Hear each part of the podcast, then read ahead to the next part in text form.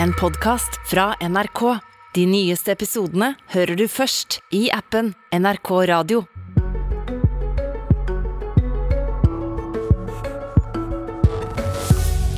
Hvem skal få og hvem får ikke når bedriftene endelig får si strømstøtte i dag?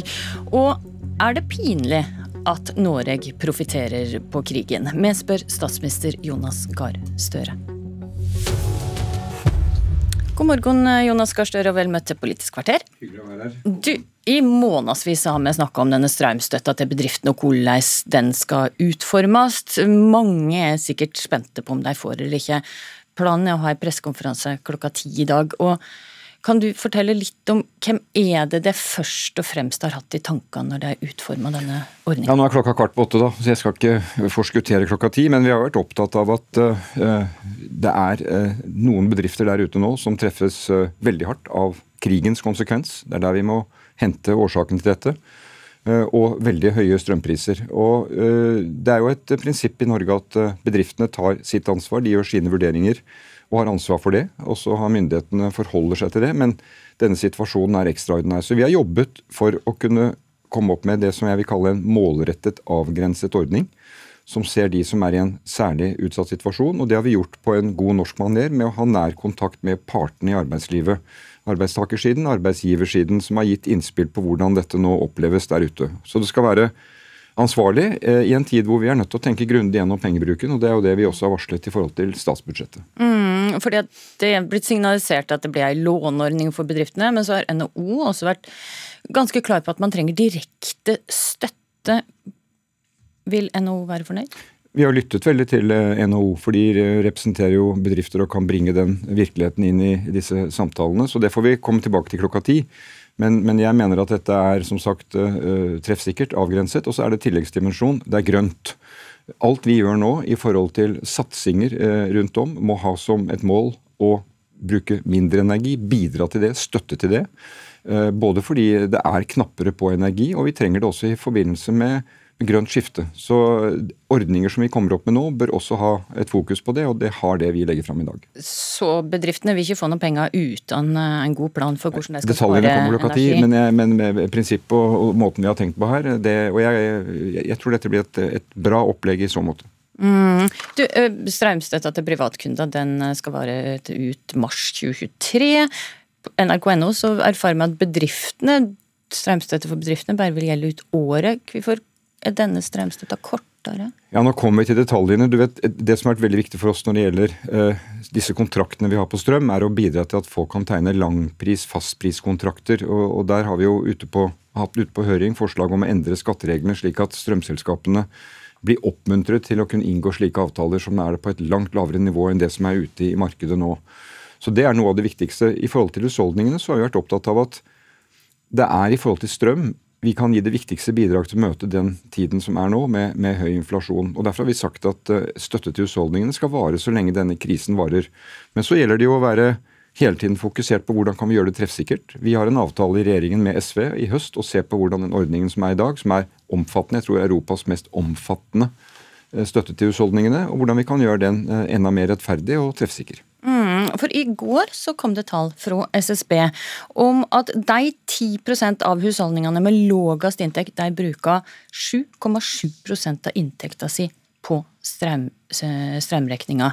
Og dette etter strømstøtta. I fjor så brukte de 3,3% Når du ser disse tallene her, gir det deg grunn til å tenke at den modellen det lagde for strømstøtte til privatpersoner kunne vært mer omfordelende? Du må jo ta med det tallet. Uten strømstøtte så hadde det vært langt over 10 mm. Så det har jo gitt et vesentlig bidrag. Og sånn sett har det vært viktig for de som har vært i en utsatt økonomi og hatt dårlig råd. I tillegg kommer jo at mange av dem har fått støtte til bostøtte, sosialhjelp osv.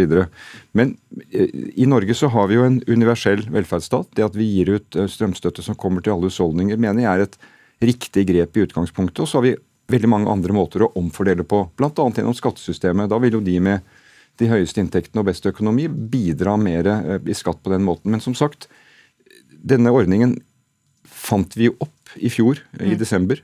Fantes ikke. Den måtte laves. Den kom fort i gang. Det var viktig. Og så skal vi se om vi kan uh, forbedre den og gjøre den mer målrettet, uh, hvis det er mulig. Ja, for det ønska å komme SV i møte som ønska en mer omfordeling av disse da over 40 milliardene som en bruker? Ja, som sagt så, så, tror jeg et sånt universelt prinsipp er viktig. Vi er alle med på å spleise på denne velferdsstaten. Vi bidrar, og alle skal ha liksom, en, en andel i den.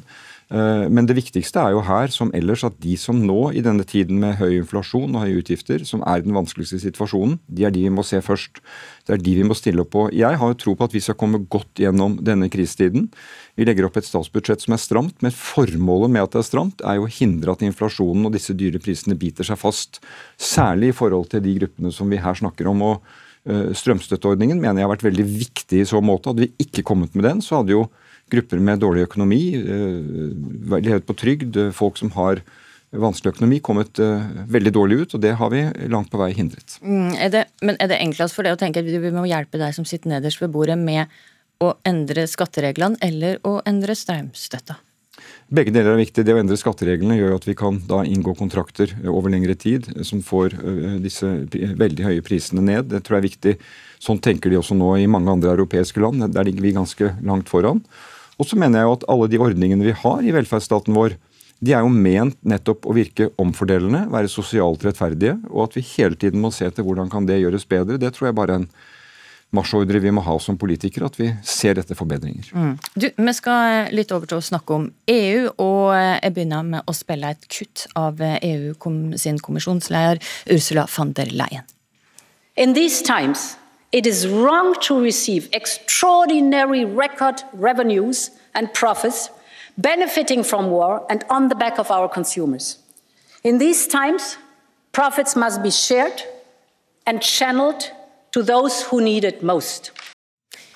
Jonas Gahr Støre, du er enig med EU-kommisjonsleieren som altså sier at det er feil å motta ekstraordinære inntekter i disse tider profitt må deles med deg som trenger det mest? Denne tyske kommisjonspresidenten snakket på engelsk, men jeg tror jeg kunne sagt akkurat det samme på norsk. At eh, profitt må deles. Eh, og eh, komme også de som har det vanskeligst til gode. Hun oppsummerer jo her et veldig viktig prinsipp i Norge. Og Hvis du går rett på norsk energisektor, så har jo norske olje- og gasselskaper 78 skatt eh, der ute på sokkelen når de mm. opererer. Og Det er en viktig del for at vi kan omfordele i vår økonomi. Jeg bare ta med liksom litt av bakgrunnen for at eh, Ursula von der Leyen sier dette her, er jo også at hun vil at energiselskap og eh, gass- og oljeselskap i EU skal betale noe av det enorme overskuddet som de nå sitter igjen med, det skal de betale eh, inn. Mer, mer i skatt. Og bør dette her også gjelde oss i Norge, eller skal vi og Equinor, eller skal vi fortsette som før? Jo, men Dette gjelder jo i hvert land. Altså, Hvis vi er litt formelle, da, Skattemyndigheten det gjelder i hvert land. Det er ikke noe hun i og for seg bestemmer over EU-landene. Eh, det, det er ikke et EU-kompetanse. Det hun tar til orde for, er at når det er høye inntekter i deler av dette energimarkedet i Europa, så bør det skattlegges på en rettferdig måte. Og komme da statene til gode, slik at de kan omfordele.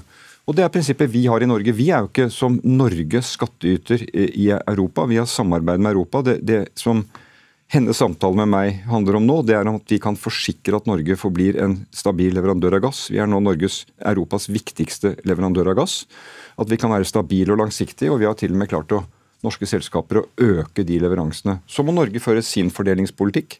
Vi er ikke medlem av EU. Vi er et, et land som tar våre beslutninger. og når vi tar inn skattepenger, så er jo det bl.a. med mål om å kunne drive rettferdig fordeling. Ja, sant, så du, du tenker at vårt system er nok eh, fordelende i dag. Det at f.eks. Equinor eh, man kan jo hevde at Equinor sitter igjen med en superprofitt, eller at i hvert fall at oljefondet gjør det. Jo, men, men det henter vi... Den skal ikke deles noe mer. Jo, men det henter vi inn til fellesskapet. Men så er det en tilleggsdimensjon, og det er jo det at Norge, fordi vi da er et land Eh, som har ressurser, skal også stille opp i internasjonale sammenhenger hvor land må bidra. Derfor er jo vi, eh, tror jeg, per innbygger helt på toppen i front i å bidra til Ukraina. Det er jo der kjernen til denne tragedien er.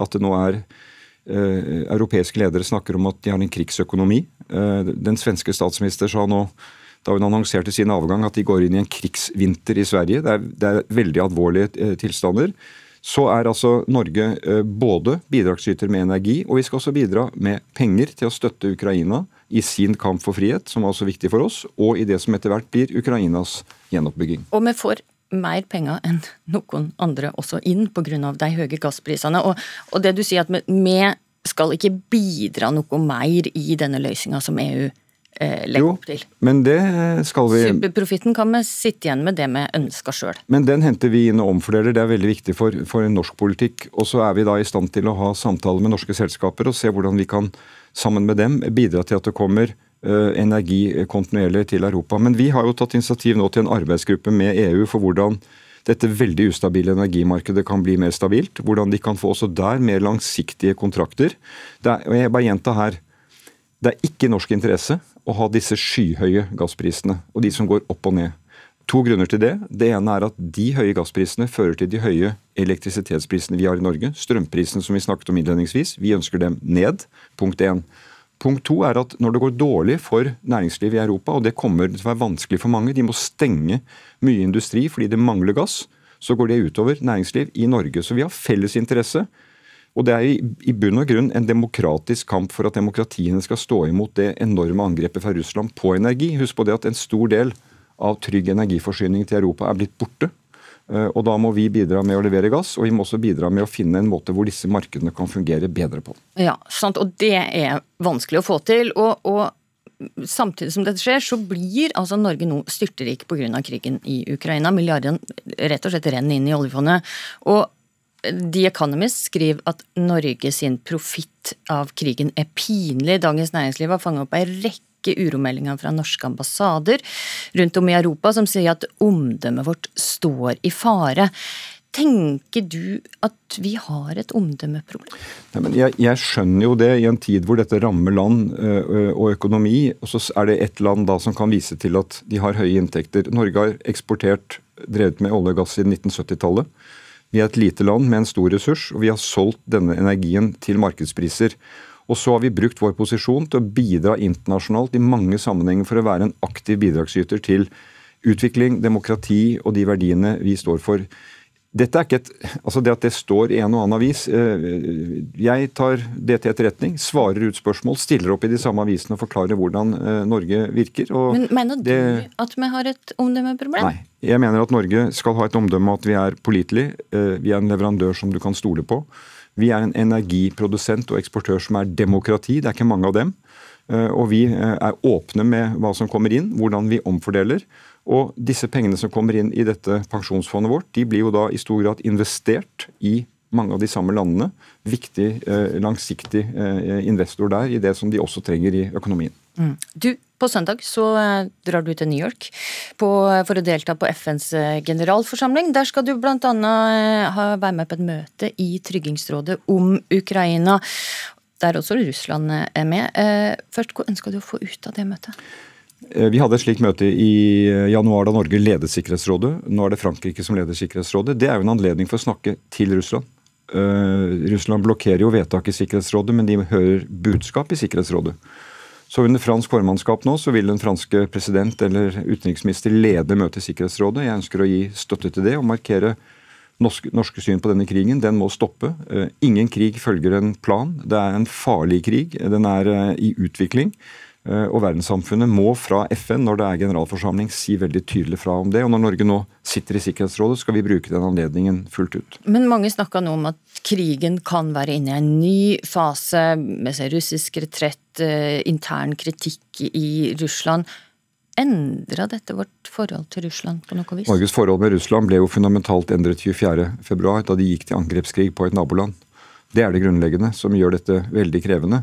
Men jeg gjentar, det er ingen krig som følger en plan som du kan forutse. Det er det som er den store faren med krig. Lidelsene er enorme. og det som har skjedd nå, hvor Russland har tatt, uh, trukket seg tilbake, blitt slått på slagmarken mange steder, er jo ikke et punktum for denne krigen. Den kan jo også akselerere den veldig. Uh, og situasjonen i Russland er jo også mer uforutsigbar enn vi har sett før. Så det viser igjen uh, de, de, fryktelige konsekvensene det er av krig, og den usikkerheten som er i Europa. Og alle de temaene vi har snakket om i denne sendingen, har jo sitt utspring i denne krigen. Og vi må ikke tape det av syne. Nei, det må vi ikke. Tusen takk for at du kom eh, til Politisk kvarter, eh, Jonas Gahr Støre. Pressekonferansen om strømstøtte til eh, bedriftene den er altså klokka ti i dag. Følg med på NRK TV, radio og nett, så blir du oppdatert om detaljene om den. Politisk kvarter i dag var ved Astrid Randen. En podkast fra NRK. De nyeste episodene hører du først i appen NRK Radio.